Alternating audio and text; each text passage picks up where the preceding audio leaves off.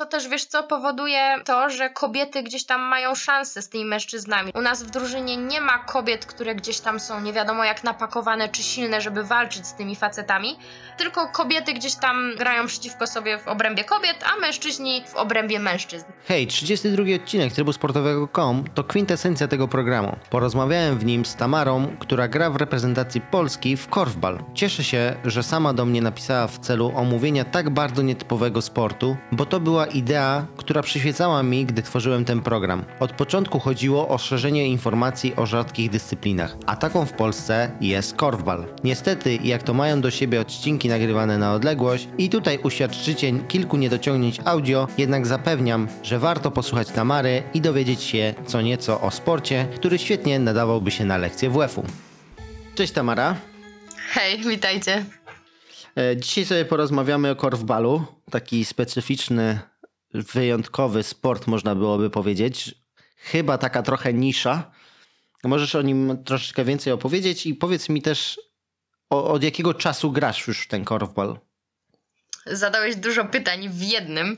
E, korfbal rzeczywiście jest niszową, niszową dyscypliną, chociaż na świecie istnieje od 1902 roku, e, a w Polsce od 1987, więc ponad już 30 lat e, jest w Polsce, ale jednak mm, no niespecjalnie mm, szybko się rozwija. Nie jest to łatwe, żeby, żeby ten korfbal wypromować w Polsce. Mm, ja w korfbal właściwie gram e, od urodzenia, albo nawet jak się czasami e, śmieję, już w brzuchu mamy, gdzieś tam grałam w ten korfbal, ponieważ moja mama była jedną z osób, które sprowadziła ten sport do Polski. E, dlatego nie miałam wyboru, ale bardzo się z tego cieszę. Mm, korfbal jest unikatowy ze względu na to, że jest to jedyny sport na świecie, który jest koedukacyjny, jakby z zasady cztery kobiety i czterech mężczyzn w jednej drużynie e, to taki must have po prostu. Mm, I nie ma innej odmiany korfbalu, która by mm, dopuszczała grę mm, tylko mężczyzn bądź tylko kobiet. W Holandii rzeczywiście jest taka odmiana, że, gdzie grają tylko same kobiety w korfbal, ale jeszcze trwają, że tak powiem, dyskusje na ten temat, czy można to podciągnąć jakby pod korfbal samo stricte, czy to powinno jakiś być jakiś odłam tego. E, tak więc korfbal z zasady od początku cztery kobiety, czterech mężczyzn, koedukacyjny. Mm, jest to sport drużynowy z piłką.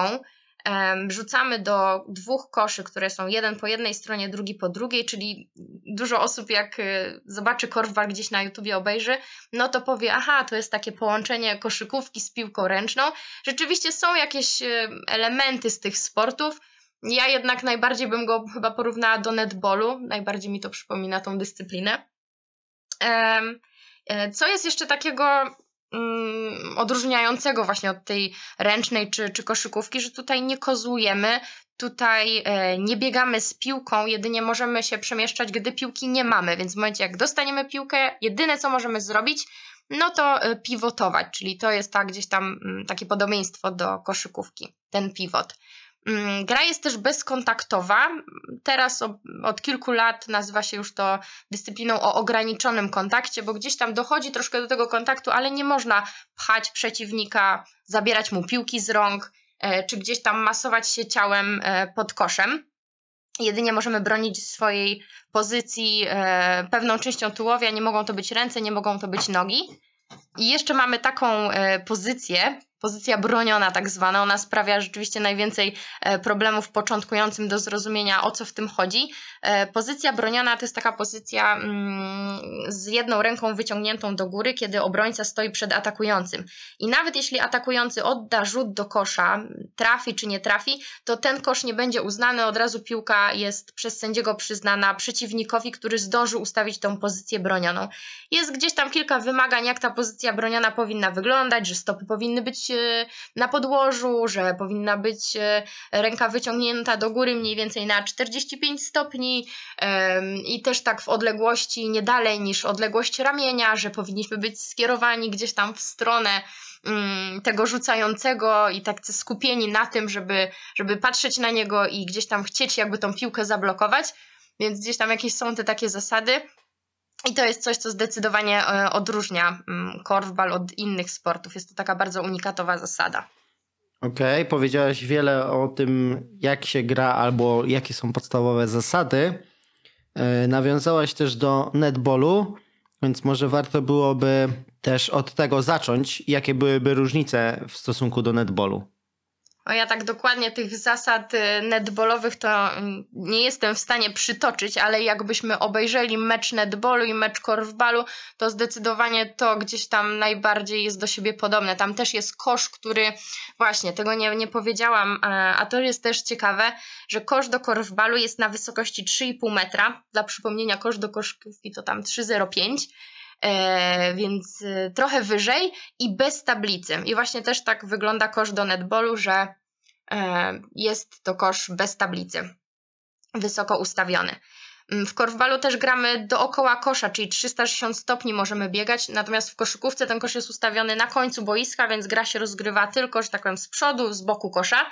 No a w korfbalu jest to 360 stopni, dlatego to jest też coś innego i takie utrudnienie dla obrony, no bo jednak nie jesteśmy w stanie mieć pełnego przeglądu pola w takiej sytuacji. Jasne. E, też ważne jest to, że nie możecie się ruszać, prawda? Jak macie piłkę. Możecie się ruszać, znaczy nie możecie przemieszczać się z piłką, bez piłki możecie biegać dookoła. Dokładnie tak i to jest, ja uważam to na plus, ponieważ szczególnie wśród dzieciaków to jest fajna dyscyplina wtedy, bo nie można zagrać solo. To jest Mam nadzieję, że jeszcze wrócimy do tego tematu. Moim zdaniem jedna z lepszych dyscyplin e, na właśnie zajęcia wychowania fizycznego, bo tutaj nie będziemy mieć tych zawodników czy tam dzieciaków, które są mega wysportowane i będą tak jak w piłce nożnej biegły od jednego końca boiska do drugiego, czy w koszykówce też tak się da, prawda? Od jednego kosza do drugiego przebiec, trafić i, i jak trafi nam się taki, taki talent sportowy w klasie, który będzie po prostu biegał, że tak powiem, za wszystkich.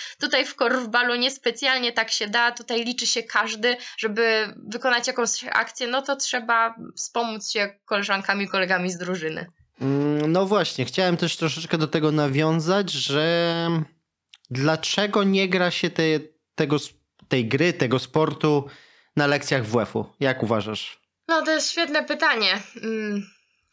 Chyba dlatego, że zbyt mało y, jeszcze zrobiliśmy ku temu, żeby, żeby zarazić tą dyscypliną właśnie nauczycieli wychowania fizycznego.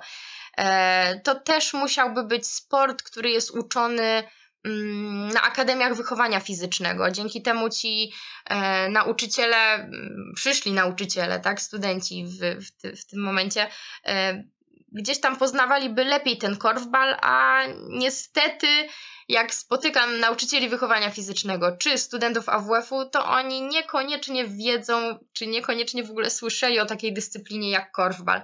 Jak ktoś słyszał, no to gdzieś tam słyszał, ale o co chodzi, jak to było, jak to wygląda, to niekoniecznie. Więc myślę, że to jest też kwestia mm, na uczelniach, że, że gdyby ten korfbal był wcześniej wprowadzany mm, i coś więcej byłoby o nim mówione, to może też nauczyciele by chętniej e, chcieli tutaj działać w tym, w tym temacie. Ja bardzo zachęcam do tego, do tego żeby, żeby wprowadzać ten sport, bo jest mnóstwo zalet, zalet korfbalu dla dzieciaków. A podaj jakieś? No chociażby właśnie to, co powiedziałam, że gra jest bezkontaktowa czy o ograniczonym kontakcie, tutaj nie zrobimy sobie krzywdy tak naprawdę. Nikt nikogo nie sfauluje, właśnie nie wyrwie tej piłki. Gra jest z reguły bezkontaktowa, więc w momencie, kiedy mm, ktoś gdzieś kogoś popchnie, mm, popełni jakiś faul, no to od razu przyznawany jest rzut wolny, rzut karny.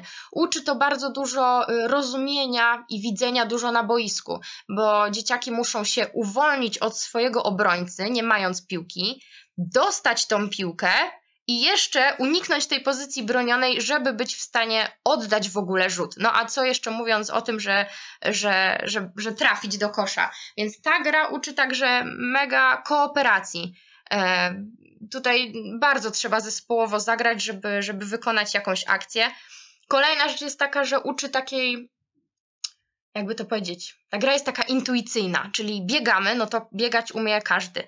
Rzucić do kosza, bo tutaj też mamy, mm, co ciekawe, inną technikę rzutu do kosza. Nie jest tak jak w koszykówce, że gdzieś ta jedna ręka y, jest dominująca z przodu, a druga tam podtrzymuje.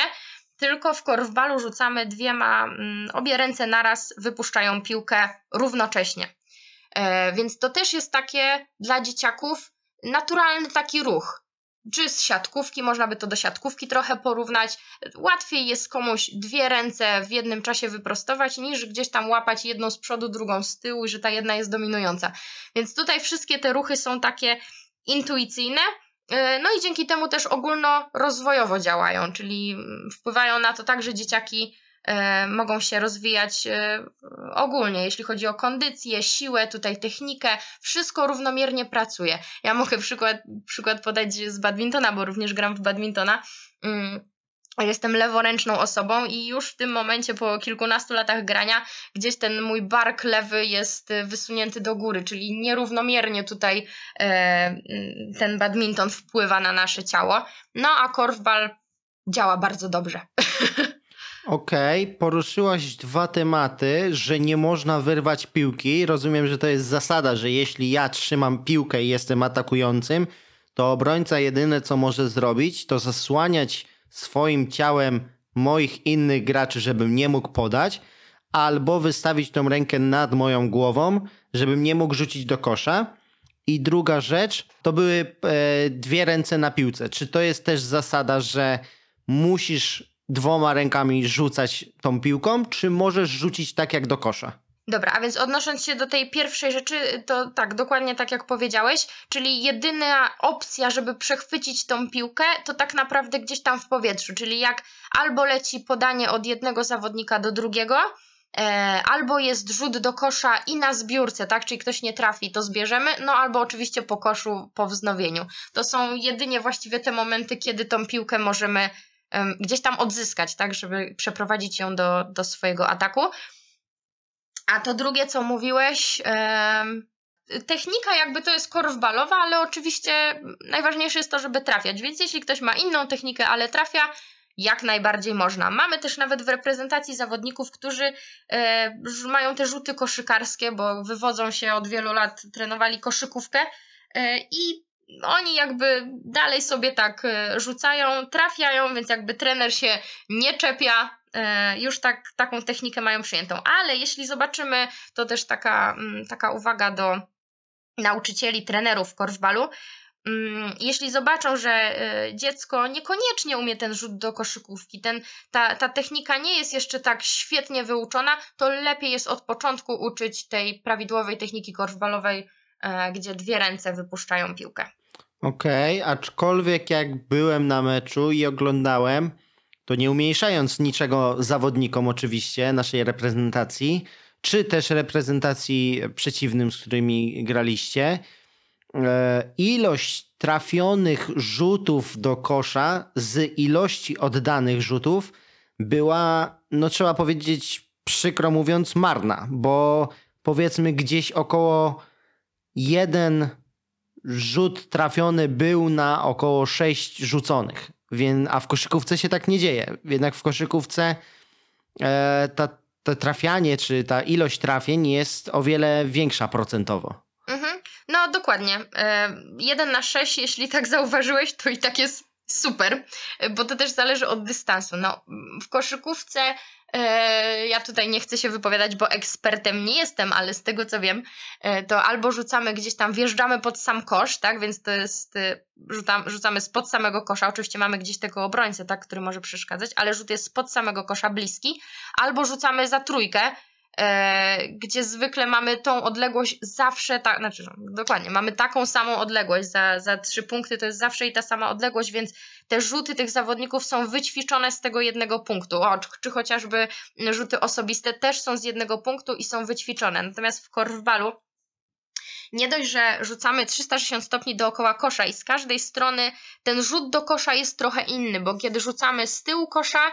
to powinniśmy rzucić trochę wyżej, no bo jednak możemy się wtedy obić o tą, o tą tylnią obręcz, Sama do końca nie wiem, dlaczego jest taka technika, ale to się sprawdza, że jak zawsze swoim dzieciakom, zawodnikom nawet mówię, jak rzucacie z tyłu kosza, to trochę wyżej, bo gdzieś tam zawsze jakoś za płasko to się wydaje. Mm, to ta, to ta technika działa.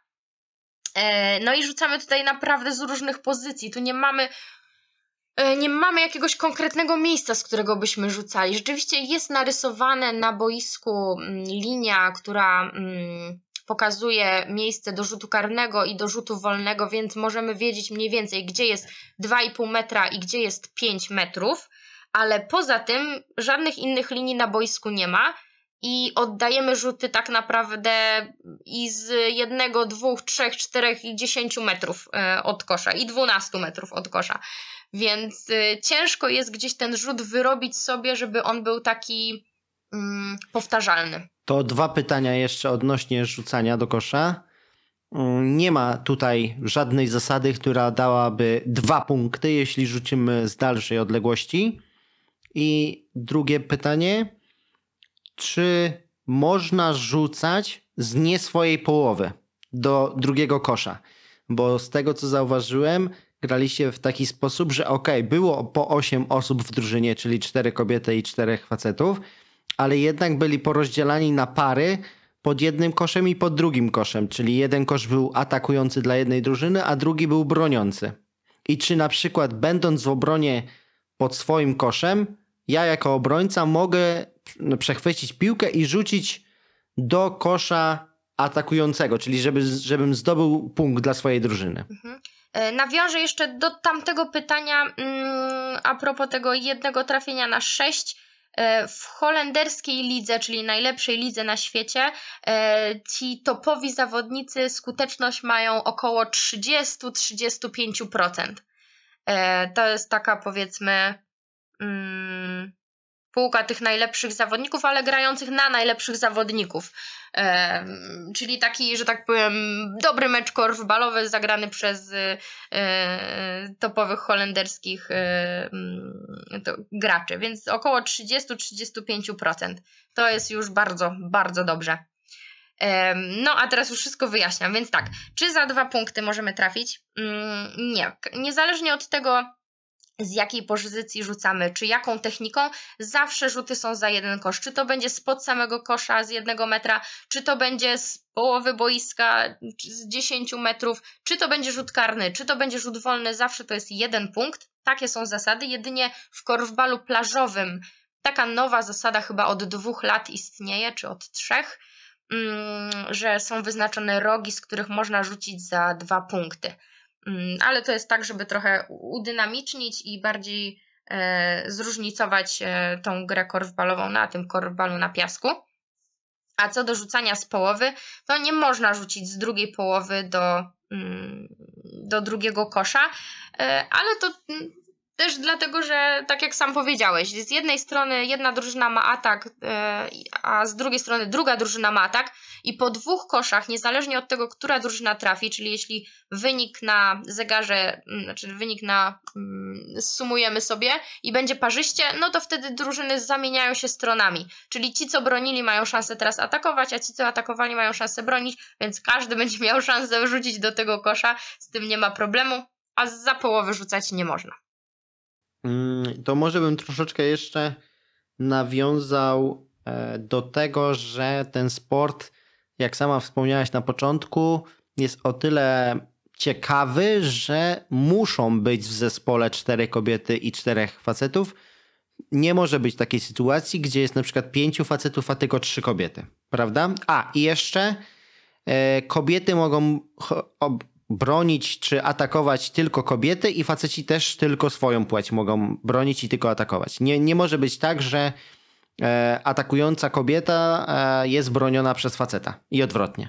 Dokładnie tak jak powiedziałeś, cztery kobiety, czterech mężczyzn, nie inaczej, takie są zasady. Staramy się nawet nie tylko jeśli chodzi o boisko, gdzieś tam to bilansować, ale w tym momencie Międzynarodowa Federacja Korfbalu zwraca też uwagę na to, żeby nawet e, zasiadając w jury czy wśród sędziów, jest teraz nacisk na to, żeby też właśnie ten e, bilans zachować równo mężczyzn i równo kobiet, żeby było, więc jest teraz mocny nacisk na to, żeby szkolić sędziów i trenerów płci żeńskiej, bo jednak tych zwykle E, brakuje. E, I tak jak powiedziałeś, rzeczywiście o tej zasadzie na początku nie wspomniałam. E, mężczyźni mogą bronić tylko mężczyzn, kobiety tylko kobiet. W innym wypadku, jeśli zdarzy się tak, że kobieta gdzieś tam wystawi rękę, tą pozycję bronioną będzie próbowała ustawić e, w stosunku do faceta, albo będzie starała się przeszkodzić mu w akcji, w, kiedy będzie w czystej pozycji do rzutu na kosz, to od razu jest dyktowany rzut karny. Ale to też, wiesz co, powoduje mm, E, to, że kobiety gdzieś tam mają szansę z tymi mężczyznami, że u nas w drużynie nie ma kobiet, które gdzieś tam są nie wiadomo jak napakowane czy silne, żeby walczyć z tymi facetami, E, tylko kobiety gdzieś tam mm, grają przeciwko sobie w, w obrębie kobiet, a mężczyźni e, w obrębie mężczyzn. E, właśnie tak się śmiejemy, jest taka niepisana zasada korfbalowa, takie przysłowie może bym powiedziała, e, że wygrywa ta drużyna, która ma lepsze dziewczyny, bo gdzieś tam zwykle mm, mężczyźni są na podobnym poziomie i podobnie rozkładają się te punkty wśród nich, natomiast z kobietami no jest problem, żeby znaleźć dobrze wysportowane kobiety, które będą uprawiały korfbal, więc rzeczywiście ta drużyna, która te kobiety y, ma skuteczniejsze, lepsze, szybsze, y, to ta drużyna często wygrywa. A czy w takim przypadku może być tak, że dwie kobiety kryją jedną atakującą, albo dwóch facetów kryje jednego atakującego e, faceta, czy to też jest zabronione? To znaczy, m, oczywiście mogą biegać dwóch obrońców, może pobiec za jednym atakującym, no ale raczej tak się nie zdarza, no bo wtedy zostawiamy tą jedną osobę wolną, która jest w tym momencie czysta do rzutu. Więc raczej tak nie robimy, aczkolwiek tak można. Okej. Okay. Mm, a ile osób jest w całym zespole? No bo jest po 8 osób e, jakby w pierwszym składzie, który wychodzi, ale czy liczba na przykład rezerwowych jest jakaś ograniczona, czy można mieć bez ograniczeń, czy można się zmieniać co chwilę, czy zmiany są też ograniczone? Jak to wygląda? To zdecydowanie zależy od turnieju. Na każdym turnieju jest inaczej, ale powiedziałabym tak, że z reguły takie Mistrzostwa Świata, Mistrzostwa Europy, mm, to z reguły mamy 7 chłopaków i 7 dziewczyn, które mogą być powołane, e, czyli łącznie 14 zawodników. E, jeśli chodzi o zmiany, to też zależy. Tu nie chciałabym skłamać w tym momencie, ale wydaje mi się, że jest pięć zmian do, dozwolonych. I też tam w tych, w tych zmianach są też jakieś tam zasady, że jeśli ściągniemy zawodnika z ataku, to musi minąć e, tam bodajże jedna akcja, czy tam dwie, i dopiero możemy go wpuścić ewentualnie z powrotem, czy tam do obrony, gdybyśmy chcieli zamienić go strefami. Akurat ja tak szczegółowo w tym nie siedzę i, i, i no nie chciałabym tutaj mm, wprowadzić kogoś w błąd. W korfbalu też gra się na czas gracie podobnie tak jak e, w koszykówce, czyli macie cztery kwarty, prawda? Tak, 4 razy 10 minut gramy. To zależy od turnieju, ale na tych międzynarodowych, Mistrzostwa Świata, Mistrzostwa Europy, gramy 4 razy 10 minut. No, dla porównania w lidze holenderskiej gra się 2 mm, razy 25 minut. A skąd y, biorą się te różnice? E, to jest takie w zasadzie testowanie Międzynarodowej Federacji Korfbalu, e, co będzie lepsze. Mm, myślę, że też w Holandii hmm, no 2 razy 25 minut to jest 50 minut całego meczu, więc oni na takiej intensywności, nie wiem, może są przyzwyczajeni. Ciężko mi powiedzieć, z czego wynikają te różnice. Ale może być tak, że jadąc na Mistrzostwa Europy i ćwicząc do grania 4 razy 10 nagle gracie 2 razy 25 czy wiecie odgórnie, że będzie konkretny czas gry? Wiemy, że będzie 4 razy 10. E, to tylko Liga Holenderska ma 2 razy 25. Nie wiem, czy są jeszcze jakieś inne kraje, które w ten sposób grają. Czasami jest to łatwiejsze do, do ogarnięcia. Chyba Liga Angielska również tak ma 2 razy 25 minut. Um, albo nawet dwa razy 30 minut, ale bez zatrzymywania zegara. To każda liga ma inaczej. Nasza Polska jakby stosuje się do tego właśnie tak jak powiedziałeś, żeby być przygotowanym od razu na, na zawody, czyli gramy 4 razy 10 minut.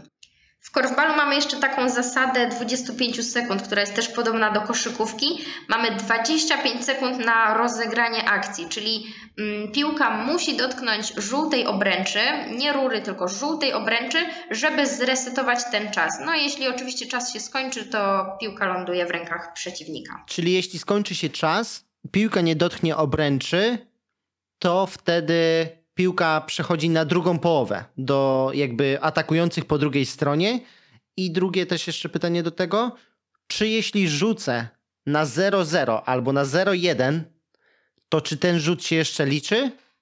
I na przykład jeśli na 0-0 e, wpadnie do kosza, to czy ten punkt się liczy? Mhm. E, jeśli skończy się czas, piłka ląduje w rękach w tym, w tym miejscu, gdzie jakby ten czas się skończył. Czyli prawdopodobnie dostaną go obrońcy po tamtej stronie i dopiero ci obrońcy będą musieli przeprowadzić piłkę na drugą stronę, tak? Czyli piłka nie znajduje się od razu po drugiej stronie w ataku, tylko jeszcze w tej obronie i dopiero musi być przeprowadzona na drugą stronę.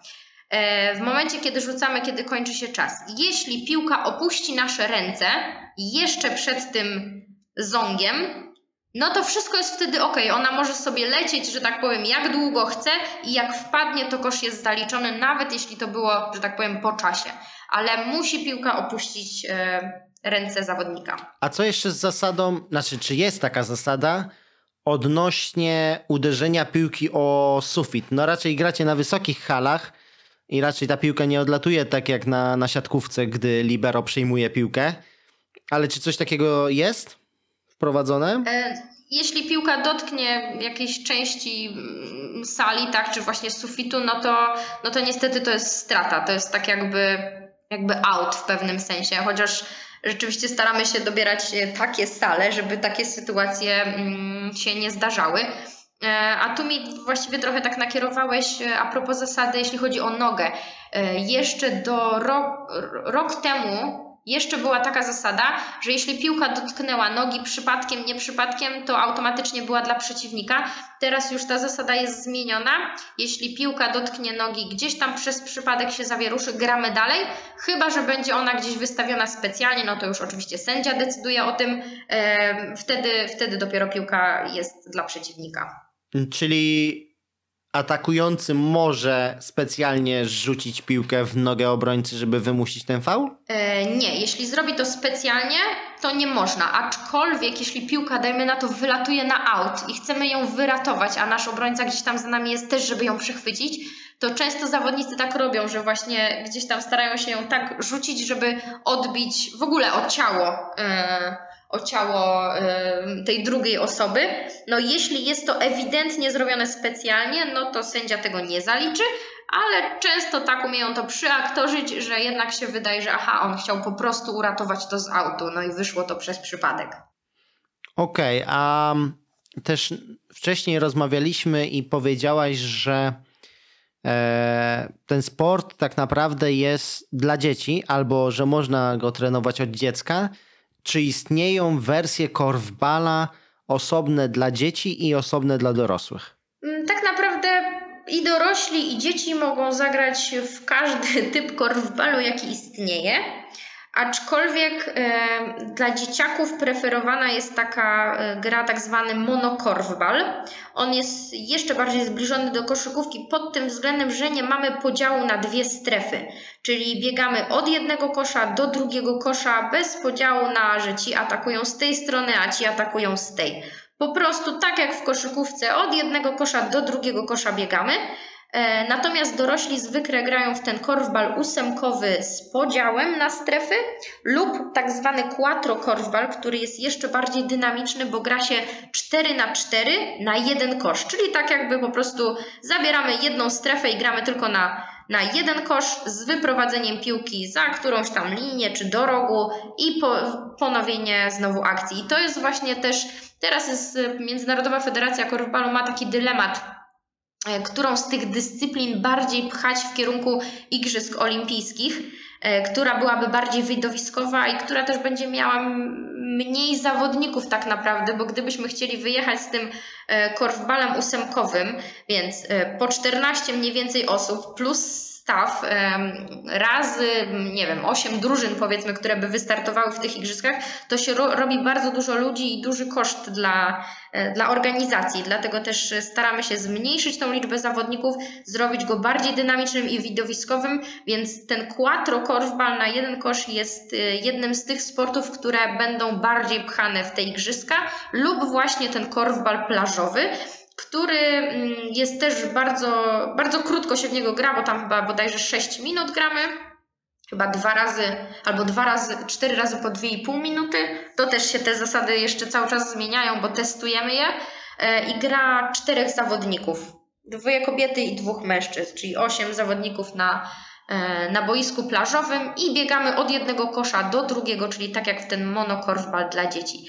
Aczkolwiek na takich treningach, chociażby u nas w Warszawie, jak gramy, często na rozgrzewkę gramy ten e, dziecięcy monokorfbal od jednego kosza do drugiego, bo tutaj można się e, jeszcze bardziej zmęczyć, e, tak właśnie na rozgrzewkę, a później dopiero w połowie treningu przechodzimy do tego naszego typowego korfbalu na jeden kosz. No bo tutaj też taktyka jest inna, więc rzeczywiście trzeba poćwiczyć ten, ten nasz prawdziwy korfbal, który gramy na zawodach, a ten mono zostawić na rozgrzewkę i na rozbieganie się.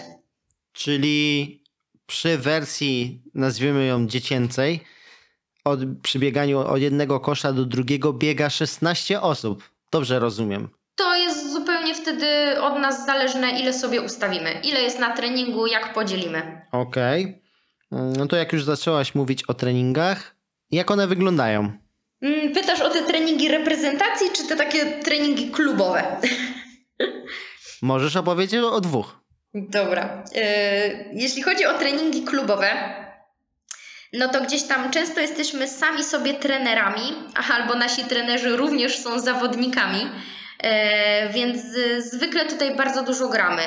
Niespecjalnie skupiamy się na jakiejś technice czy jakichś konkretnych ćwiczeniach taktycznych. To jest głównie zostawiane na reprezentację, mm, te ćwiczenia taktyczne. My zwykle dużo gramy, bo, bo tutaj chodzi o, o zgranie, o to, żeby rozumieć, co się dzieje na boisku, intuicyjnie czuć, co trzeba zrobić. E, zwykle zaczynamy właśnie, tak jak mówiłam, tym monokorfbalem, żeby się rozgrzać od jednego kosza do drugiego. E, często też mamy osoby, które albo są zupełnie początkujące, albo średnio zaawansowane, pomieszane z tymi, które grają w reprezentacji, więc ten poziom jest naprawdę różnorodny. No i ten monokorfbal pozwala wszystkim na trochę takiej zabawy i właśnie rozgrzania, a później przechodzimy gdzieś tam w połowie treningu, e, dzielimy się na poziomy, i ci zawodnicy zaawansowani ćwiczą już ze sobą albo jakieś poszczególne akcje, albo po prostu gramy na jeden kosz 4 na 4 czyli tak zwany ten quattro korfbal, e, a pozostali zawodnicy średnio zaawansowani i początkujący ćwiczą ze sobą też albo jakieś schematy, albo coś jest im tłumaczone, jak dane ćwiczenie wykonać, albo grają jeden na jeden, żeby nauczyć się um, uwalniania od swojego obrońcy. Więc tak wyglądają głównie te treningi klubowe. Tutaj bardziej chcemy zarazić ludzi, tak żeby z nami zostali i, i, i przychodzili e, regularnie na te treningi. Natomiast treningi reprezentacji różnią się oj mocno, bo takie treningi trwają dwie godziny yy, i na taki trening musimy przyjść już rozgrzani. W sensie wchodzimy na halę wcześniej, z pół godziny wcześniej, sami się rozgrzewamy tak jak potrzebujemy. Jeśli ktoś potrzebuje pobiegać, to biega, jeśli ktoś potrzebuje się rozrzucać, to rzuca i o konkretnej godzinie startujemy już z rozgrzewką taką rzutową z trenerem. Zwykle to są jakieś konkursy rzutowe, żeby jeszcze nas tak zmobilizować, sprawdzić. E, później e, zwykle właśnie takie jakieś jeden na jeden albo rzuty z obrońcą. E, następnie mniejsze gierki, które bardzo dużo uczą i tego polecam, żeby trenerzy stosowali to jak najwięcej w swoich treningach. Małe gierki 2 na 2, 3 na 3, 3 na 2 Mm, takie meczyki mogą być albo na jeden kosz, albo od jednego kosza do drugiego, bo to uczy takiego zachowania boiskowego, a co zrobić w takiej sytuacji, a co w, co w takiej, nie konkretnie szablonowo, yy, tylko zawodnicy jakby sami muszą się dostosować i wymyśleć, yy, przewidzieć, co może się zdarzyć. I dopiero na koniec, jakieś tam ostatnie 40 minut, ostatnią godzinę, Mm, gramy taki mm, pełnowymiarowy mecz, czasami na dwie piłki po to, żeby, żeby nie stygnąć, czyli gramy ten quattro korfbal 4 na 4 na jednym koszu i z drugiej strony też 4 na 4 na drugim koszu i wtedy obie strefy grają i to jest już taka duża intensywność, chyba że naprawdę jesteśmy już zmęczeni na tym treningu, to wtedy trener redukuje to na jedną piłkę i gramy wtedy taki ten typowy mecz korfbalowy. Okej, okay. powiedziałaś, że gracie jeden na jednego i zastanawiam się, jak w korfbalu, bo użyłaś zwrotu uwolnić się od obrońcy. I zastanawiam się, jak w korfbalu przy grze jeden na jeden można się uwolnić od obrońcy, kiedy, jeśli jak masz piłkę, to nie możesz z nią biegać. Dokładnie, i to jest cały, całe clue, yy, całe clue korfbalu tak naprawdę i cała jego trudność jak gramy jeden na jeden, to zwykle stawiamy sobie jednego asystenta albo pod koszem, albo gdzieś trochę po boku, który nam tą piłkę rozgrywa, więc on bez obrońcy wie, że ma na nas grać konkretnie na tego danego atakującego, więc ta piłka jest rozgrywana szybko i to jest znacznie prostsze niż na takim normalnym meczu e, tak naprawdę korfbalowym, bo tutaj mamy asystenta, który konkretnie pod ciebie ma zagrać piłkę. I co jest ważnego w takim, w takim treningu, w takim ćwiczeniu, żeby ten asystent i atakujący bardzo dobrze się rozumieli i oboje wiedzieli, jakby co w danej sytuacji zrobić. Czyli jeśli widzimy, że obrońca stoi z prawą nogą, dajmy na to do przodu, no to mm, atakujący powinien pójść na jego plecy albo chociażby zrobić zwód na plecy i odejść wtedy na lewą stronę. I asystujący musi jakby to zrozumieć, zrozumieć intencję tego atakującego podać mu piłkę w momencie, jak będzie wolny. No i teraz pytanie, co ma zrobić atakujący? Albo może rzucić, jeśli jest wolny, albo jeśli obrońca jest szybki i zdąży dojść, to mm, w korfbalu często stosujemy coś takiego jak rzut z jednej nogi, czyli e, bardzo dobrzy zawodnicy, którzy umieją to zrobić, bo niestety nie wszyscy, niektórzy rzucają z dwóch nóg, e, łapią piłkę na jedną nogę, na drugą odchodzą i rzucają z tej, z tej drugiej nogi. Czyli to nie są jeszcze kroki, to jest po prostu złapanie na jedną nogę, postawienie tej drugiej i w, w, tym momencie wykonanie tego pivotu, czyli oderwanie jeszcze tej jednej nogi jest dozwolone. No i w tym momencie zyskujemy trochę miejsca, żeby jeszcze bardziej odsunąć się od tego obrońcy i zrobić to dynamicznie, czego on się nie spodziewa. I to jest wtedy ten moment, że jesteśmy w stanie oddać e, rzut do kosza. Niektórzy pozycję taką mm, wolną kreują sobie poprzez szybkie bieganie albo szybkie zwody. Mm, inni mają bardzo dobrych asystentów. Często asystent tutaj robi mega robotę i jeśli asystent zdecyduje, ok, podaje ci w lewo i y, atakujący dostosuje się do tego, czyli poczeka do ostatniej chwili i dopiero w ostatnim momencie odejdzie w lewą stronę, zrobi jeszcze ten krok do tyłu, Mm, no to też będzie wolny do rzutu. Warto tutaj wspomnieć, bo ktoś może powiedzieć, ok, ale jeśli mamy mm, takiego obrońcę, który jest szybki i cały czas przyklejony do ciebie i zawsze nad tobą nadąża, e, to ok, tylko tutaj obrońca musi mm, wybierać. Jeśli jesteśmy daleko od kosza, albo powiedzmy taki średni dystans i nasz, nasz obrońca klei się do nas, czyli jest bardzo, bardzo blisko nas, to jest ryzyko, że my po prostu go, że tak powiem, jak to w korfbalu nazywamy, zjedziemy go z biegu. O co chodzi? Po prostu wyprzedzimy go i będziemy bliżej kosza niż on. I jeśli w tym momencie dostaniemy piłkę, to jesteśmy wolni do rzutu, ponieważ każda próba obrony od tyłu, czyli jeśli mm, jesteśmy wolni na koszu, chcemy oddać rzut, ale nasz obrońca gdzieś dotknie nas z tyłu czy z boku w momencie rzutu, to od razu jest dyktowany rzut karny.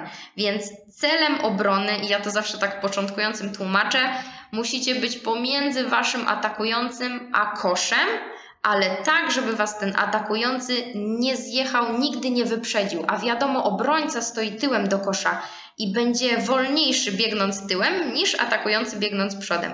To się ogólnie ciężko tłumaczy, tak y, tutaj mówiąc, że tak powiem na sucho. Najlepiej jest to zobaczyć, a jeszcze lepiej byłoby to przetestować, wpaść na trening, wtedy wszystko się rozjaśnia.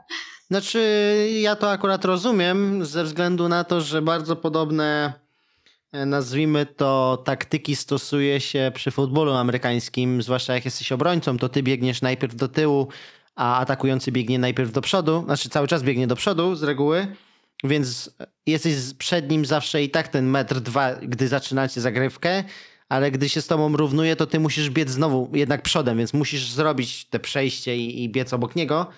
Mm, więc to jakby rozumiem jak najbardziej.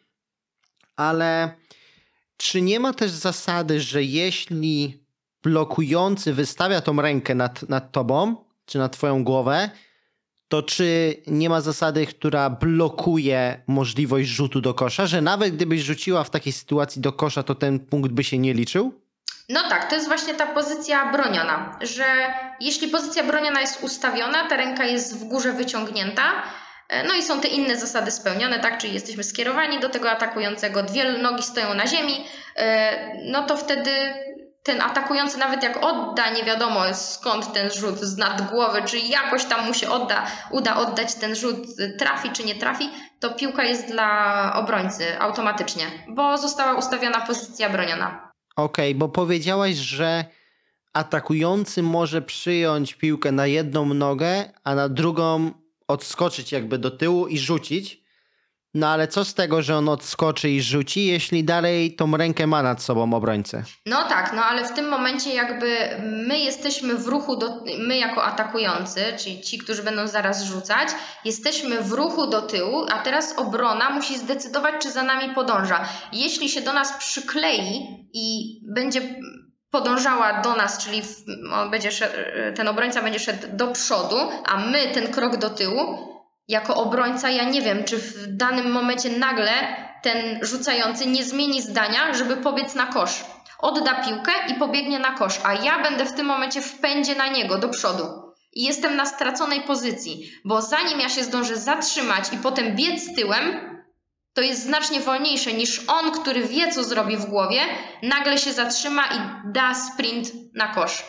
Więc y, zwykle obrońcy wtedy nie podążają za tym rzucającym, tylko gdzieś tam asekurują, y, raczej mają dwie nogi na podłodze, tak? A jeśli atakujący odchodzi do tyłu, no to my musimy się ruszyć, czyli już nie mamy dwóch nóg na ziemi. To jest kolejna rzecz. Żeby pozycja broniona była, dwie nogi muszą być na ziemi. Więc jeśli rzucający zrobi to bardzo dynamicznie, no to my nie zdążymy dojść do tego momentu, żeby te dwie nogi postawić. Okej, okay, bo rozumiem, że żeby, znaczy, rozumiem tą zasadę dwóch położonych nóg jako stoję w miejscu. Dokładnie tak. Chyba, że, chyba, że, no czasami są takie sytuacje, że ten atakujący odchodzi do tyłu, ale ten obrońca jest mega przyklejony do niego i pokazuje sędziemu, hej, ja tu cały czas jestem, idę za nim, ale jestem no na klej z nim. No to wtedy też jest pozycja, mm, pozycja broniona. E, jeszcze a propos tej mm, pozycji bronionej, bo dużo osób pyta, to czy w ogóle można zablokować piłkę do rzutu. Możemy w ogóle blokować piłkę, też tak jak w koszykówce, jeśli piłka opuści ręce przeciwnika i my skoczymy i założymy tak zwaną czapę, jest to jak najbardziej dozwolone, tylko przy tej akcji nie możemy jakby dotknąć tego naszego e, rzucającego, czy tam gdzieś go sfaulować, no bo wtedy automatycznie będzie zagwizdany rzut wolny. Ale jeśli zrobimy to czysto w piłkę, która jest poza dłońmi rzucającego, i obie nogi mogą być oderwane od ziemi, to nie jest wtedy pozycja broniona, tylko to jest wybicie piłki. Czyli ja mogę jako obrońca przechwycić rzuconą piłkę do kosza? Dokładnie tak. Okej. Okay. Ale to nie jest łatwe, no jakbyś chciał to zrobić, nie? Znaczy, mam na myśli, że jeśli bym się spóźnił z pozycją obronną, żeby położyć tą rękę nad głowę, to jeszcze mam szansę się wyratować i doskoczyć do tej piłki, która została rzucona. Dokładnie tak. Tylko jeśli skoczysz, to po pierwsze w ogóle ten rzut rzucamy zwykle taką wysoką parabolą. No bo po pierwsze kosz jest na 3,5 metra, więc jest wysoko. E, po drugie, nie ma tablicy, więc ten rzut jeszcze bardziej trzeba podnieść. No i ten lob się robi tak wysoki, że ciężko jest ją zbić, że tak powiem, w powietrzu. Musielibyśmy lecieć na tego rzucającego i zbić ją dość wcześnie, chyba że jest ktoś mega skoczny albo mega wysoki w porównaniu do swojego e, rzucającego. No to wtedy ma to szansę ma to szansę się udać. A kolejny minus jest taki, że jeśli twój rzucający będzie się zbierał do rzutu i zobaczy, że ty lecisz, żeby skoczyć na gwałt, to on jednak nie rzuci i zdecyduje się zjechać cię z biegu. No bo pobiegnie na kosz i będzie znacznie bliżej, ma większą szansę na to, żeby trafić. Więc mało kto ryzykuje ze skakaniem. To jest w ogóle taka podstawowa zasada na turniejach międzynarodowych, którą mówi się obrońcom, słuchaj, nie skacz. Nie skacz, bo zostaniesz zjechany z biegu. Okej, okay, a czy ten sport, e, bo okej, okay, on jest niekontaktowy, jasne, ale czy jeśli wy jako zawodnicy, którzy nie mają piłki, biegacie jako obrońcy i atakujący, czy wy możecie gdzieś się ewentualnie przecierać barkami, odpychać ciałem, gdzieś tam dotykać, nie wiem, ręką barku, żeby ewentualnie utrudnić grę, czy, czy nie? Czy takie w ogóle zagrania są zabronione całkowicie? Mm, Duży temat teraz poruszyłeś. Mm, Ogólnie zabronione. Przede wszystkim nie możemy, jako obrońcy, nie możemy blokować drogi atakującemu naszemu rękami czy nogami. Czyli jeśli ja wystawię jako obrońca ręce do boku i mój atakujący będzie w nie wbiegał i pokaże sędziemu, hej, ja nie mogę tu biec, a chcę tu biec, albo jestem trzymany rękami przez mojego obrońcę, bo są wystawione na zewnątrz, no to wtedy jest faul. No i jest wdyktowany rzut wolny zwykle w takim momencie. Więc ja nogami czy rękami jako obrońca blokować nie mogę. Mogę jedynie zastawiać tułowiem, czyli jeśli jestem szybsza i zablokuję mu drogę, bo tam stanę pierwsza, tak, moim korpusem ciała, no to wtedy, jeśli on we mnie, atakujący we mnie wbiegnie, jest faul w ataku. Tak to właśnie wygląda. Aczkolwiek ym, jako obrońca często stosuję coś takiego, że ym, żeby wiedzieć, gdzie jest mój atakujący, gdzieś tam lekko ręką go dotykam ciała, czyli dotykam sobie mojego atakującego i gdzieś obracam głowę, żeby zobaczyć, aha, gdzie jest piłka, ale cały czas czuję, gdzie jest ten mój atakujący, że gdyby mi zwiał, to ja wiem, że już go tam nie ma. Więc takie rzeczy delikatne są dozwolone, no ale nie mogę gdzieś go zatrzymywać tą ręką, to absolutnie nie. Jeszcze do takiego kontaktu dochodzi trochę mm, na zbiórce, czyli tam pod koszem. E, Atakujący, jeśli zajmie sobie pozycję zbiórki, i jego obrońca stanie za nim, to jedyne co mogą tak naprawdę robić, to trzymać tą swoją pozycję w tym miejscu, w którym, że tak powiem, stanęli. To jest dość trudne do wytłumaczenia. W każdym razie nie mogą się przepychać, mogą na siebie napierać w tym samym, że tak powiem, momencie, ale jeden drugiego ciałem czy rękami popychać nie może. Ale oczywiście obrońca też może skakać do zbiórki. Tak, jak najbardziej, jak najbardziej. Okej. To w takim razie, jeśli. Znaczy, bo, bo ta zasada mm, wyciągnięcia ręki i blokowania rękami na bok, nazwijmy to tak e, łopatologicznie, daje takie pole do popisu atakującemu, żeby wymuszać faule. Czy tak się zdarza? Ha, dokładnie tak, ale nie wszyscy umieją to wykorzystywać. Ja akurat uwielbiam e, aktorzyć i, i właśnie wykorzystywać takie sytuacje. Bo rzeczywiście to jest taki niełatwy punkt, bym powiedziała, tylko łatwe wymuszenie faulu i potem zdobycie punktu z tego rzutu wolnego. E, jeśli mój obrońca zwykle właśnie ma wystawione ręce, to, to, to, to jak ktoś jest cwaniakiem, to wie, że dobrze jest tam wbiec i pokazać sędziemu, hej, on mi blokuje drogę. No bo też nie zawsze sędzia widzi coś takiego, albo ten obrońca gdzieś tam stara się w ostatniej chwili te ręce opuścić em, i to po prostu pozostaje niezauważone. To od razu dwa pytania następne.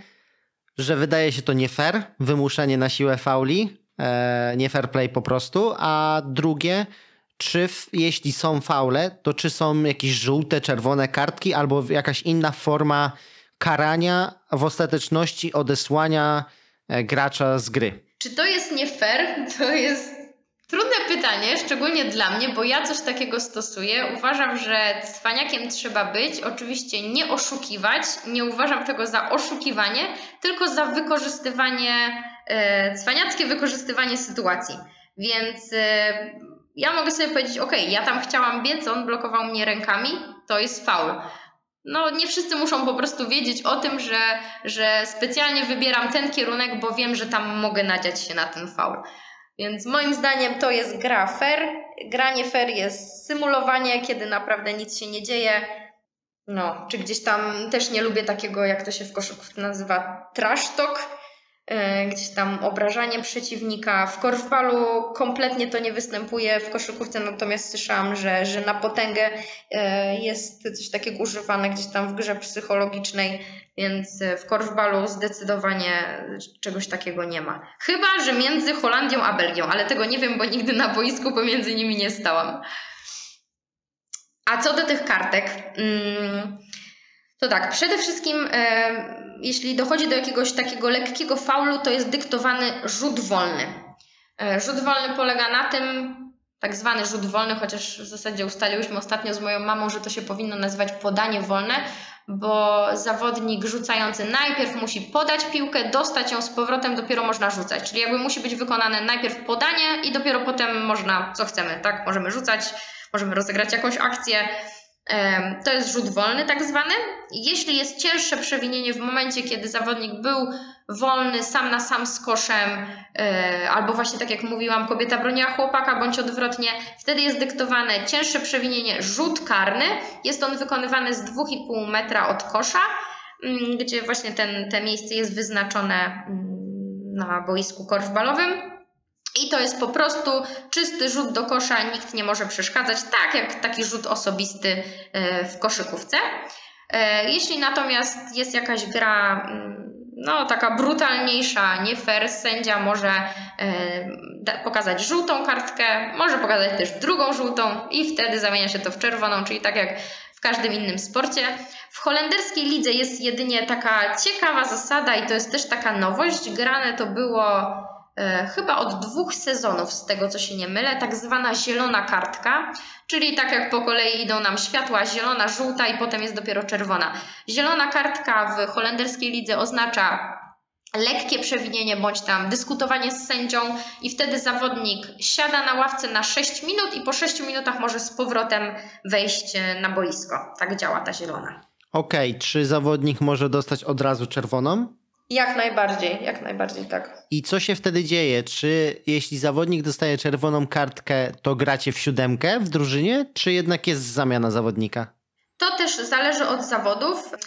Próbują wprowadzić coś takiego, że czerwona kartka będzie oznaczała grę w siedmiu zawodników to też już właściwie było stosowane, ale wtedy zwykle jeden z zawodników nie mógł rzucać do kosza, czyli w momencie jak mamy na jednej strefie 4 na 3, to wybierany jest jeden zawodnik, który nie może rzucać.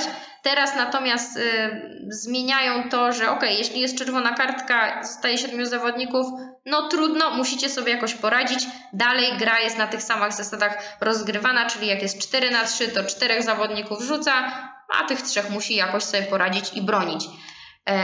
Natomiast na ostatnich Mistrzostwach e, Europy było tak, że po czerwonej kartce, bo tak się właśnie zdarzyło w finale, była żółta i jeszcze raz żółta. Zawodnik opuścił boisko, ale na jego miejsce wszedł nowy zawodnik. Okej. Okay. E, a mówiłaś jeszcze o podaniu wolnym, więc do niego wrócę.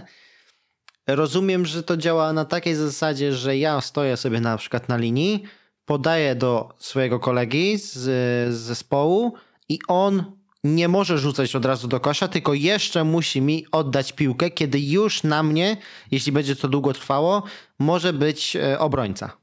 E, nie, on już mógłby rzucać do kosza. Czyli jakby musi być wykonane jedno podanie, tak żeby piłka, czy tam piłka musi tam przelecieć 2,5 metra, czy tam bodajże zawodnicy muszą być od siebie 2,5 metra, jakby musi być gdzieś tam ta odległość e, e, zachowana. I już ten zawodnik po tym pierwszym podaniu mógłby rzucać, aczkolwiek większość mm, krajów robi tak, że w momencie, kiedy jestem zawodnikiem wykonującym rzut wolny, podaję piłkę, ta piłka szybko wraca do mnie i ja oddaję rzut. Dlaczego? Ponieważ ten zawodnik, który mi oddaje tą piłkę, czyli rozgrywa mi tą piłkę, on ma obok siebie swojego obrońcę, natomiast ja nie mam, bo mój obrońca musi być 2,5 metra ode mnie. Czyli od osoby rzucającej jakby wszyscy zawodnicy muszą być oddaleni 2,5 metra i to jest ten mój bufor, który mogę wykorzystać. Czyli jeśli jest szybkie podanie z powrotem do mnie, to jeszcze ten obrońca nie zdąży dolecieć. Okej, okay, e, no to jeśli jest, jestem przy tym, że macie te e, cztery kobiety na cztery kobiety,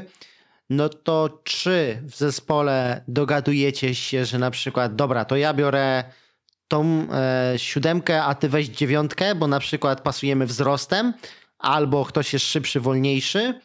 I jeśli tak jest, to czy w takim razie też czytacie grę swoich e, graczy wcześniej, czyli na przykład jeśli jest to jakiś turniej, to patrzycie jak dana osoba gra, którą będziecie konkretnie kryć, albo oglądacie jakieś filmy z, z wcześniejszych meczy. Nie wiem, czy dzielicie się jakoś na, nagraniami, czy jest coś takiego w futbolu amerykańskim na przykład w Ameryce jest coś takiego. Zdecydowanie wszystko tak jak powiedziałeś. E, to cztery kobiety na czterech mężczyzn, bo tam powiedziałeś kobiety na kobiety.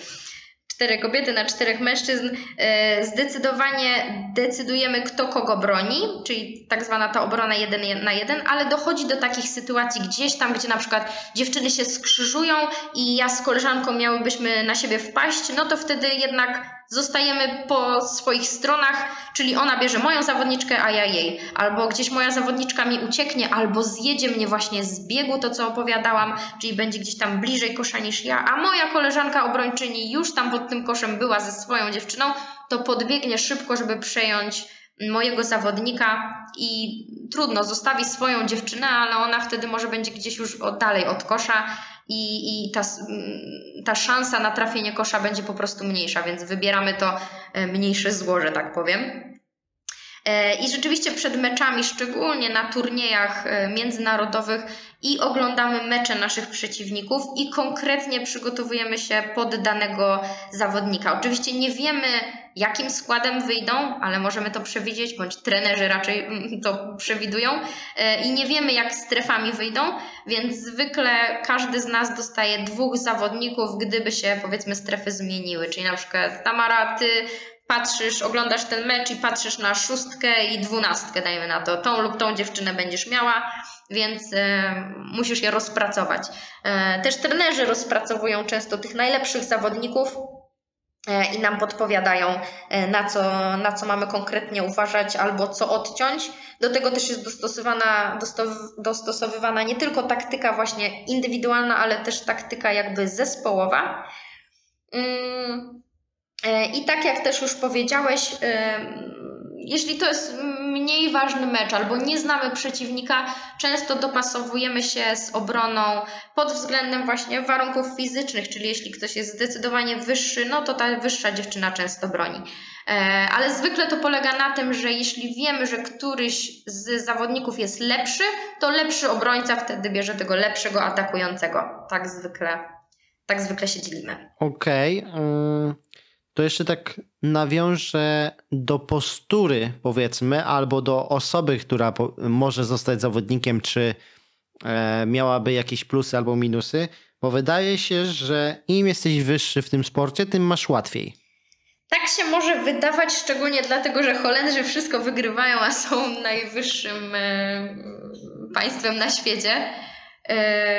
Jednak to, to nie czyni z Holendrów e, najlepszych. Oni są jakby świetni pod, pod każdym kątem, pod kątem e, skuteczności, okej, okay, jak najbardziej się liczy, ale też motorycznie e, są nieziemsko przygotowani. Są naprawdę profesjonalnie oni podchodzą do, do trenowania korfbalu, więc ciężko jakby im po prostu dorównać.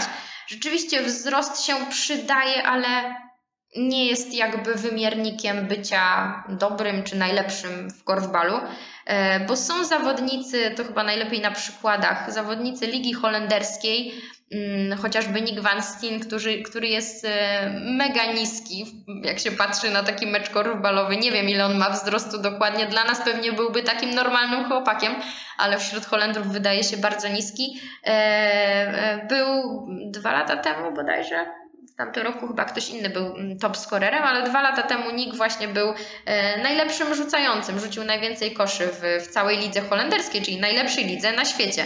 Więc ten wzrost niekoniecznie ma znaczenie. Jakby ktoś zapytał o szybkość, szybkość też niekoniecznie ma znaczenie. Tutaj naprawdę każdy taki atut można wykorzystać na swoją korzyść. Ktoś może naprawdę dobrze czytać grę, albo mm, mylić zawodnika, albo wystarczy, że robi dobre zwody i gubi już swojego obrońcę. świetnym przykładem jest zawodniczka mm, angielska Nila Brennan, która mm, no, jest po prostu trochę większa niż wszyscy, ale jest najlepszą zawodniczką e, drużyny angielskiej i jedną z najlepszych kobiet na świecie tak naprawdę. E, jej taką cechą specyficzną jest to, że ona nie rusza się wcale dużo po boisku, robi dobry zwód, który myli obrońcę, ale to co ma najlepsze to to, że mm, jest w stanie rzucić piłkę do kosza z czoła, czy tam gdzieś z nad głowy, mając gdzieś tam nawet tą rękę obrony bardzo blisko. Ona jest w stanie zrobić ten krok do tyłu bardzo dynamicznie i oddać rzut z nad głowy, czego nie każda dziewczyna potrafi, no bo po prostu nie ma siły. Ja sama też, żeby oddać rzut do kosza, gdzieś tam muszę tą piłkę obniżyć, e, no bo po prostu nie jestem w stanie z dalekich odległości rzucić z samych rąk, tak jak to robi właśnie Nila. Okej, ale na pewno to im, co jest potrzebne, to jest kondycja, no bo brzmi ten sport na bardzo um, szybki, na bardzo ruchowy. No, Wytrzymałościowy. tak, wytrzymałościowy. O, może to jest dobre słowo. Mhm. E, No rzeczywiście kondycję trzeba mieć, ale też nie jakąś e, super hiper, bo jeśli jesteśmy zawodnikiem, który, jak to nasz trener czasami e, mówi, e, mądrzej stoi niż głupiej biega, no to wtedy jest w stanie tak jakby stworzyć sobie szansę i stworzyć też szansę dla swoich e, kolegów z drużyny, no to on nie potrzebuje dużo biegać po boisku. Może też się bardzo dobrze zastawiać i być tym zbierającym. Gorzej jest, jeśli natomiast trafi i na mm, swojego atakującego, który będzie szybki. No to wtedy mamy problem, tak? No bo wtedy ta kondycja jest potrzebna, bo zmieniamy się. Czasami jesteśmy w ataku, czasami jesteśmy w obronie. W ataku możemy mniej biegać, ale w obronie to zależy, jaki właśnie zawodnik nam się trafi. Jak szybki będzie dużo biegał, no to trzeba za nim biegać. Jasne. To może takie pytanie, dla kogo jest ten sport? Kto by był w nim dobry? Albo ktoś szybki, albo ktoś z wytrzymałością, albo ktoś wysoki, albo ktoś cwany, albo ktoś, kto bardzo dobrze e, czyta i rozumie przestrzennie, co, jak można właściwie pomóc swoim zawodnikom, bo często, tak jak też wspominałam, to zależy od asystenta. Jeśli asystent bardzo dobrze e, wyczu, wy, mm, wyczyta ruchy swojego atakującego, swojego kolegi z drużyny i poda w odpowiednie miejsce, w przestrzeń tą piłkę, no to, to to jest złoto mieć takiego asystującego. E, Więc taka osoba też zdecydowanie jest e, mega potrzebna na, w, w zespole. E, Osoba, która jest potrafi się dobrze zastawić na zbiórce, a nawet niekoniecznie musi być wysoka. Więc a osoba, która ma wszystkie te cechy razem wzięte, no to już w ogóle zapraszamy do naszej drużyny. No właśnie, jak dołączyć do drużyny? Czy są kluby w Polsce, jest jakaś liga? Tak, mamy Polską Ligę Korfbalu. Jeśli chcemy dołączyć do klubu czy, klubu, czy tam w ogóle po prostu wpaść i spróbować swoich sił w korfbalu, to najlepiej albo napisać do Polskiego Związku Korfbalu. I mamy Instagrama i mamy Facebooka i tam na pewno ktoś pomoże i odeśle, e, bo to zależy tak z jakiego miasta jesteśmy. I na pewno odeślę do kogoś, kto, kto, kto się w, danym, w danej miejscowości zajmuje, mm, czy tam jest członkiem zespołu korfbalowego. E, Jeśli natomiast chcielibyśmy zostać reprezentantami, to co roku są organizowane tak zwane drafty. W tym roku mm, odbędzie się on 28 listopada, czyli właściwie już niebawem. E, Jak najbardziej każdy może się na ten draft zgłosić i przyjść, nawet jakaś randomowa osoba, która grała może kiedyś w koszykówkę, w piłkę właśnie ręczną, czy jest po prostu wysportowana i nawet niespecjalnie rozumie ten korfbal, ale e, zobaczyłby trener reprezentacji, że, że warto w tą osobę zainwestować, że jest tutaj talent, być może i taka osoba nawet zostałaby powołana do reprezentacji Polski w korfbalu, więc zapraszamy. Najlepiej kontaktować się z Polskim Związkiem. E, Można też napisać do mnie jak najbardziej. Ja prowadzę kanał na, na YouTubie, Instagramie i Facebooku, tak zwany korfballowe. Też można do mnie napisać, chętnie przekieruję gdzieś tam dalej, albo zaproszę na swój własny trening, który odbywa się w Warszawie na dzielnicy Włochy w poniedziałki i środy.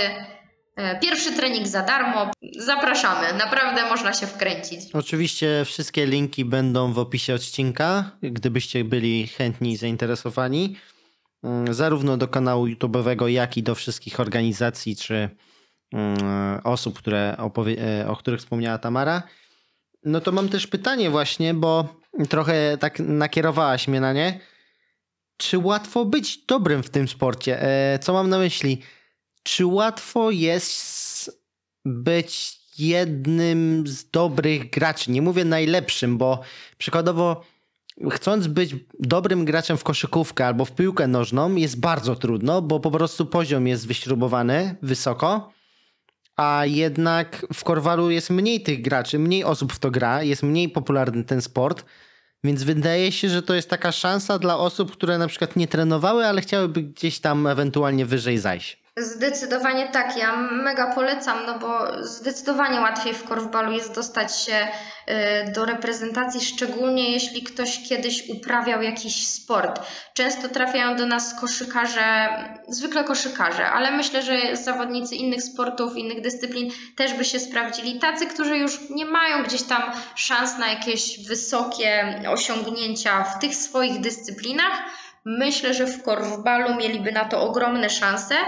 Mm, to zależy na czym komu zależy.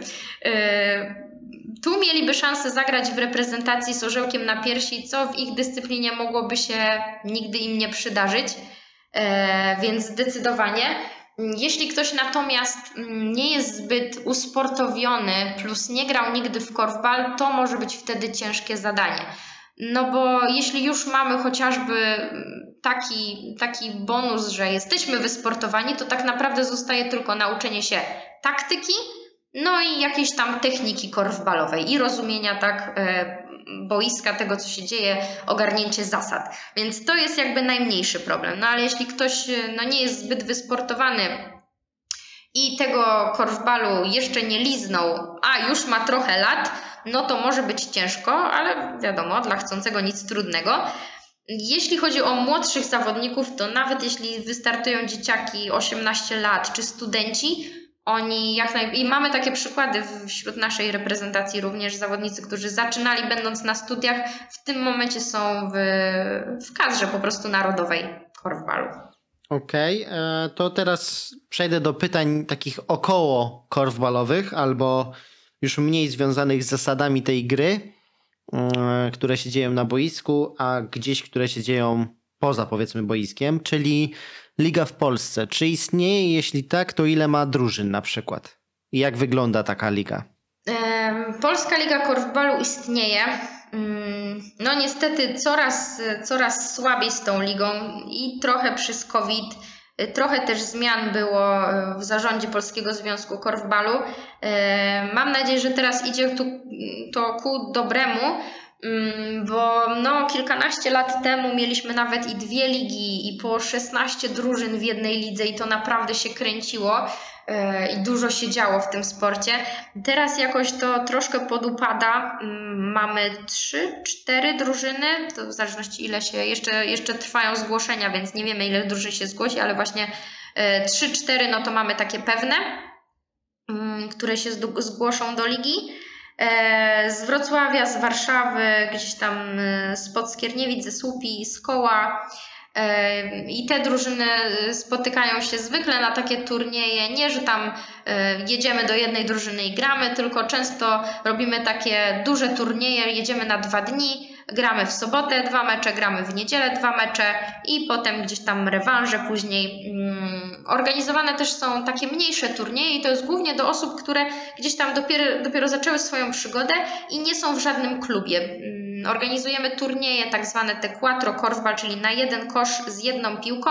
E, dzięki temu potrzebujemy do grania tak naprawdę czterech osób, dwóch kobiet, dwóch mężczyzn. Oczywiście ktoś na zmianę by się przydał, więc powiedzmy tych sześciu zawodników potrzebujemy mieć, a nie ośmiu bądź więcej ze zmianami, tak? Więc y, ten quattro korfball jest o tyle dobry, że, że, że, że mniejsza drużynka, mniej osób potrzeba, żeby wystawić się i zagrać na takim turnieju, do czego również y, zachęcam.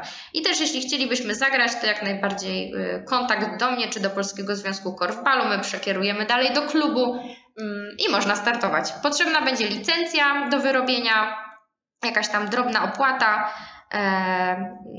też drobna opłata za start w lidze, chyba że klub to zapewnia e, i można grać. Okej, okay, to też rozumiem, że być może z tego powodu na olimpiadę są te zasady tak troszeczkę zmieniane, no bo po pierwsze będzie dynamicznie, jak będzie mniej osób w zespole, a po drugie będzie łatwiej te najlepsze osoby z każdego kraju powiedzmy wybrać.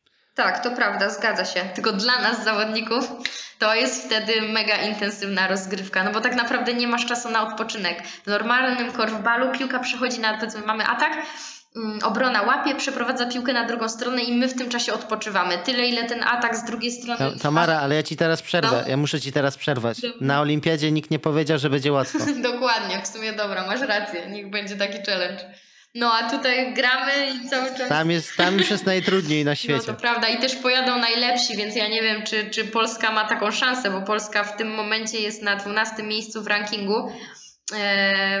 No i myślę, że na te Igrzyska Olimpijskie, no to pewnie pierwsza ósemka by jechała. E, Właściwie to korfbal ma takie swoje igrzyska, tylko no jest sportem nieolimpijskim, więc jeździmy na igrzyska nieolimpijskie. To tak zwane The World Games. W ogóle w 2017 roku były we Wrocławiu i Polska miała szansę wziąć w nich udział. Dla mnie to było no po prostu spełnienie marzeń tak naprawdę, bo normalnie Polska nie miałaby szansy wystartować w takim turnieju, bo tak jak mówię, pierwsza ósemka zwykle na takie turnieje jeździ. No a tutaj jako, że byliśmy gospodarzem, a, czyli we Wrocławiu ten turniej, mogliśmy zagrać na, na takich mistrzostwach i to też była no, niesamowite uczucie. No jak sobie przypomnę, jak wychodziliśmy z całym tym e, sztabem, z tymi wszystkimi zawodnikami polskimi, którzy występowali w różnych innych sportach, różnych innych dyscyplinach. Cały taki korowód szedł po tym waszym wielkim stadionie we Wrocławiu. E, mnóstwo tych ludzi, cała ta impreza i otoczka wokół tego, no to były ciarki non-stop. E, To samo na boisku, bo też mieliśmy, chyba nigdy nie grałam dla takiej publiczności jak właśnie na World Gamesach. E, Też ciarki za każdym razem. Okej, i to jest odbywany turniej co roku, czy co ileś lat? Co 4 lata. W przyszłym roku, no przez pandemię został trochę przesunięty. W 2022 będzie w Birmingham w Stanach. Ciekawa podróż by była. No, tylko niestety, no nie dostaliśmy się. Okej. Em, to jeszcze nawiążę do samego początku naszej rozmowy, bo z tego co ja e, gdzieś tam zaczytałem chwilkę dosłownie o korfbalu, to wymyślił ten sport po prostu jakiś e, nauczyciel, prawda? Dla, dlatego, żeby dzieciaki trochę bardziej rozruszać. Dlaczego to nie do końca wiem? Nico Broekhuizen się nazywał, właśnie Holender, nauczyciel wychowania fizycznego, tak jak mówisz. On gdzieś tam e, on gimnastyką się zajmował, wyjechał do, do Szwecji i tam była podobno jakaś gra, która nazywała się Ringball. Ja nie wiem, czy to, to są wszystko legendy, co ja teraz opowiadam, no ale taką historię słyszałam od, od, że tak powiem, osób, które w tym korfbalu dłużej siedzą, więc taką też powtarzam. No gdzieś tam był ten, ten sport ringball, nie wiem do końca na czym on polegał, ale właśnie Niko zainspirowany tą, tą dyscypliną em, i chyba tym, że właśnie tam grali mężczyźni i kobiety w jednej drużynie, to właśnie wymyślił po prostu korfbal. Tylko było bardzo ciężko w tym 1902 roku, bo no jeszcze nikt nie był, nie miał takiego myślenia postępowego jak on, żeby kobiety i mężczyźni mogli grać w jednej drużynie na równi, prawda? No to było tak ciężkie czasy dla korfbalu. No tak, no bo jeszcze jakby kobieta była w tamtych czasach lepsza od mężczyzny, to już całkowita hańba. Też w ogóle, dokładnie. E, więc jakby rozumiem, dlaczego, dlaczego nie chcieli e, kobiet w zespołach, żeby po Mhm. prostu się nie ośmieszyć. E, ale rozumiem, że u ciebie to trochę idzie tak z pokolenia na pokolenie, tak? E, czy twoja mama przychodzi na mecze i mówi no Tamara, tutaj mogłaś zagrać lepiej, tu mogłaś po, pobiec od lewej, tu mogłaś rzucić stąd, od, nie wiem, odchylić się i tak dalej. Daje ci jakieś takie wskazówki? Nie no, czasami podpowiada. W sensie pamiętam jeszcze, och, to było 7 lat temu jakoś? Z 7 lat temu grałyśmy przeciwko sobie na boisku, no po prostu mama mnie jechała jak chciała, no ona takie triki znała, taki cwaniak, no jeszcze lepszy niż ja po prostu. Yy, więc no ja byłam w szoku, no i jeszcze gdzieś tam do tamtego momentu to była dla mnie właśnie mm, autorytetem korfbalowym. No oczywiście dalej jest, ale jeśli chodzi o granie takie zawodnicze, no to, to, to myślę, że mama w tym momencie już mogłaby się też czegoś tam ode mnie nauczyć. E, ale rzeczywiście często z nami jeździ, bo była wiceprezesem Polskiego Związku Korfbalu, więc wyjeżdżała z nami mm, na różne turnieje międzynarodowe i zawsze gdzieś tam wsparcie czy jakieś rady od niej też dostawałam. Okej. To podaj ciekawostkę o tym sporcie, nawet dla osób, które znają korfbal, które już mogły być na meczu, tak jak ja na przykład, i widziały, jak gracie, ale czego mogli, mogłyby nie zauważyć? Coś takiego, co nie jest oczywiste. O kurczę, trudne pytanie. Czekaj, daj mi chwilę pomyśleć. Przykładowo ciekawostką z triatlonu może być to, że niektórzy zawodnicy na rowerach mają już podpięte buty, żeby szybciej po prostu przejść e, stację zmian, e, strefę zmian i, i po prostu szybciej na ten rower wsiąść i z znaczy szybciej go ściągnąć, z nim pobiec i dopiero wsiąść za strefą zmian. To być może jest coś takiego przygotowującego albo jakaś technika, albo jakieś zagranie takie nie do końca może ekscytujące, nie do końca może takie widoczne, ale gdzieś robiące różnicę. Hmm, to taka pierwsza rzecz, co mi przychodzi do głowy, gdzieś tam ze swojego doświadczenia, ale to już dużo osób właściwie o tym słyszało. Taki trik wymyśliłam, e, tak zupełnie przez przypadek. E, to o tym w zasadzie wracamy do tego rzutu wolnego. W momencie, jeśli ja nie wykonywałam tego rzutu wolnego, tylko mój kolega, a ja gdzieś tam sobie niby przyczajona mm, stałam z boku. Jest taka zasada, że jeśli obrońca ruszy za wcześnie i wejdzie w strefę tych 2,5 metra za wcześnie, no to wtedy jest jakby jeszcze jedna szansa. I jeśli jeszcze raz to zrobi, no to wtedy jest dyktowany rzut karny. Więc y, z Kamilem mieliśmy tak ustawione, że on właśnie zawsze przeczekiwał chwilę, ten po pierwszym gwizdku. Obrońca popełniał błąd, bo już taki nagrzany tam leciał do niego, z, y, żeby bronić. I to było to pierwsze przewinienie. I potem moim zadaniem było spowodowanie, żeby obrońca popełnił drugie przewinienie, ale już nie ten sam obrońca, tylko mój obrońca, więc ja gdzieś tam się, gdzieś tam się czaiłam blisko linii i robiłam taki ruch, e, tak jakbym chciała pokazać, że ja będę wbiegała na kosz, więc mój obrońca przestraszony, że o kurczę, muszę bronić, automatycznie wchodził nogą w strefę, no co powodowało, że było to przewinienie i dzięki temu mieliśmy rzut karny, który był skutecznie, który jest skuteczniejszym rzutem niż, e, niż rzut wolny. Jeszcze mam też taki trik, to często robię, że mm, jeśli chcę pobiec do piłki, dajmy na to w lewo, to najpierw biorę głowę w prawo i tak jakby taki zwód w prawo, patrząc, tak jakby mojemu obrońcy wtedy się wydaje, że piłka jest po prawej stronie i ja wtedy odwracam się i biegnę w lewo. I to bardzo często działa, że, że właśnie wtedy obrońca myśli, aha, to z tamtej strony jest piłka, bo ona tam patrzy, a ja wtedy nagle zwód i piłka jest z lewej strony. Ciekawostka, okej. Okay. E, ciekawy ten trik, ale w futbolu amerykańskim by się na przykład nie sprawdził bo tam mocno Czemu? jest właśnie uczone, żeby nie patrzeć, gdzie patrzy zawodnik, bo oszukuje przez to, tylko mhm. patrzeć na jego biodra, bo biodrami nie oszuka, że będzie bieg na przykład e, w lewo, będąc ustawiony w prawo. Musi jednak te biodra mhm. najpierw zrotować i dopiero będzie w tamtą stronę bieg. A to ciekawe, spróbuję tego w korfbalu. Ciekawe, ciekawe jak to będzie wychodziło broniąc. Żeby znaczy nie wiem na, na ile e, w korfbalu będzie możliwe to do, do, do zastosowania. E, wykorzystania, no. no bo jeśli faktycznie ty musisz gdzieś tam bronić i ewentualnie spojrzeć gdzieś za siebie, na chwilę z, e, puścić z oczu swojego atakującego, jako obrońca, jak będziesz obrońcą, no to nie, nie wiem, czy będziesz miała tyle czasu, żeby na to zwrócić uwagę, ale mimo wszystko nie oszukamy tego. No, biodrami nie oszukamy jakby ruchu. Zawsze, jeśli będzie, będą biodra w lewo, to osoba może pobiec jedynie w lewo, no w prawo nie pobiegnie. Przetestuję to, bo naprawdę, no to może być jakaś wskazówka. Tak, dla takich osób, które nie grają w korfbal, to muszę taki stereotyp, taki mit tutaj trochę mm, zniwelować, bo wszyscy też się śmieją, że no w korfbalu to jak dziewczyny i chłopaki razem, a zwykle dostajemy no, nie no, na międzynarodowych turniejach często są to dwie szatnie. To zależy jak, jak, jak duża jest hala, jak duży jest y, obiekt, na którym gramy, ale bardzo często zdarza się, że mamy jedną szatnię i zawsze się, wszyscy śmieją, że no to w takim razie chłopaki i dziewczyny po wspólnym treningu razem pod prysznic. Więc y, obalam ten mit, nie chodzimy razem pod prysznic. ale, ale yy, polecam korfbal jako takie miejsce do poznania może i nawet drugiej połówki, bo tak mi się wydaje, że to jest w ogóle takie fajne miejsce spotkań damsko-męskich, bo nie dość, że można przyjść, zrobić swój trening, fajnie się zmęczyć, e, poznać właśnie albo tą swoją drugą połówkę, czy w ogóle mieć wybór, fajne mamy dziewczyny, fajnych mamy chłopaków, e, to jeszcze poznać dużo fajnych ludzi i porobić sobie dużą jakby grupę znajomych, fajnie spędzić czas. Więc moim zdaniem to jest idealny przepis na randkę. No, powiem tak, trochę wybrnęłaś z tego, żeby odrzucić wszystkich singli chcących spróbować ten sport z tym prysznicem wspólnym. Trochę wybrnęłaś, okej, okay, niech będzie, niech będzie. Uratowałaś to. Um, ostatnie dwa pytanka na koniec. Jaki inny sport polecasz? Każdego gościa o to pytam, ciebie też zapytam. O, zdecydowanie badminton, bo to mój drugi ulubiony sport. Gram w to 13, chyba już 13 lat będzie.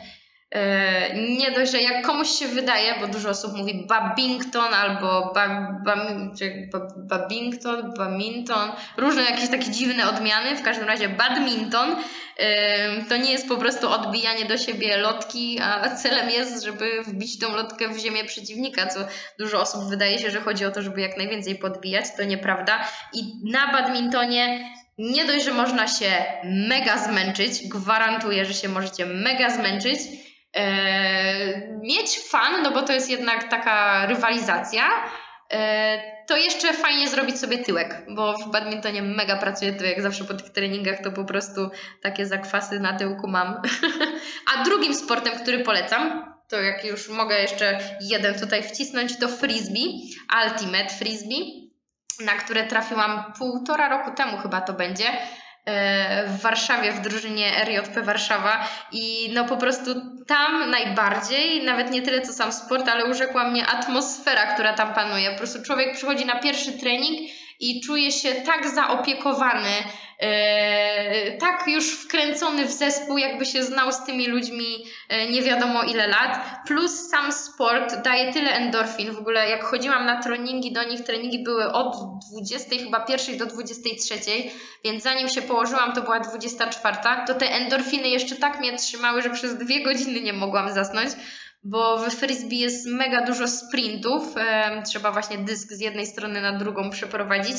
E, no i to jest taki wysiłek, że po tym to zakwasy murowane po prostu wszędzie. Okej, okay, czyli lubisz takie sporty, które dają mocno w kość. Zdecydowanie. Okej. Okay. Polecam jakieś, nie wiem, ciężkie biegi, e, survivalowe czy coś takiego. Jakieś tam wspin... Bieganie też, też lubię, ale po górach jak już to takie... No to maratony może po górach, coś, coś. No, coś takiego można by spróbować. Albo tańczenie w klubie od 22 do 5 rano, to też, to też coś, co lubię. Też można nazwać sportem. Ale e, gdyby ktoś chciał się dowiedzieć trochę więcej o korfbalu albo się jakoś skontaktować z tobą, to gdzie można cię spotkać online i offline? Mnie osobiście pod nazwiskiem Siemieniuk Tamara albo mm, fanpage'em Korfballowe, e, albo jeśli ktoś chce trafić wyżej, to do Polskiego Związku Korfbalu. Jak wpiszecie Korfbal Tamara albo Korfbal Polski Związek, to na pewno wyskoczy i będzie tam mnóstwo mm, sposobności do kontaktu z nami. Dobra, dobra. To co? Eee, dziękuję za wywiad. Fajnie było się dowiedzieć o bardzo nietypowym sporcie. Fajnie było też być na waszym meczu i, i zobaczyć to w praktyce, jak to wygląda.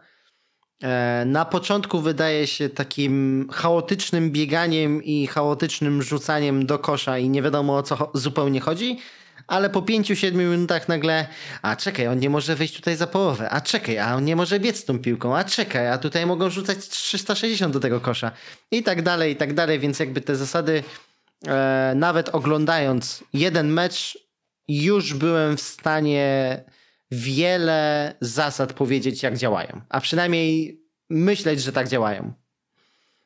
Tak, ale rzeczywiście im więcej wiesz o tym sporcie, im lepiej przygotowany ktoś jest z zasadami, tym chyba ma więcej fanu.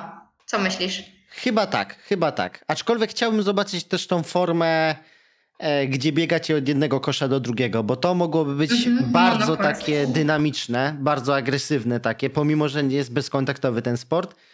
Mm, to by mogło powodować ciekawsze sytuacje mm -hmm. niż na przykład stanie sześciu osób czy i, i walka o zbiórkę e, nietrafionego e, rzutu. To, to, bo tam by nie, było, nie byłoby tam czasu po prostu na to. Racja, ale to wpadaj na trening we Wrocławiu czy w Warszawie, to na pewno na takim treningu ten monokorfbal tak zwany e, będzie grany.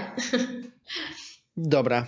To ja dziękuję. Mam nadzieję, że Wam się podobało. Ja również Ci bardzo dziękuję. W ogóle strasznie fajnie przeprowadzony ten podcast. Y, Nie dość, że takie pytania naprawdę, naprawdę konkret, y, mega przygotowane. Chyba jeszcze nigdy aż tyle o korfbalu nie opowiadałam, a Ty tak super ze mnie to wszystko y, wyciągałeś i naprowadzałeś tymi pytaniami. W ogóle pytania były mega trafne. Więc ja jestem y, mega zadowolona i czekam, aż to będzie opublikowane i będę mogła się podzielić y, tym z resztą świata. Tego nie wycinam, tego fragmentu ew- ewidentnie nie wycinam. Może coś tam powycinam, ale tego na pewno nie. Trzymajcie się i Okej. pamiętajcie, aby włączyć swój tryb sportowy. Hej! Ryan Little. Chciałbym jeszcze raz podziękować Tamarze za napisanie do mnie wiadomości, bo bez tego nie poznałbym tak ciekawego sportu, jakim jest korfbal. A jak wspomniałem we wstępie, to był przyświecający cel podczas tworzenia tego programu szerzyć informacje o mniej znanych dyscyplinach sportu. Świetnie było rozmawiać z tak naładowaną pozytywną energią osobą, która stara się ją szerzyć. Jeśli tak jak Tamara trenujecie coś unikatowego, dajcie o tym znać. Chętnie przedstawię nowe dyscypliny w swoim programie z Waszym udziałem. Pamiętajcie, tryb sportowy.com dostępny jest na wielu platformach oraz aplikacjach. Jeśli odcinek Ci się spodobał, to proszę udostępnij go dalej lub skomentuj go na danej platformie. Inne odcinki usłyszysz także na stronie trybsportowy.com. Do usłyszenia w następnym odcinku.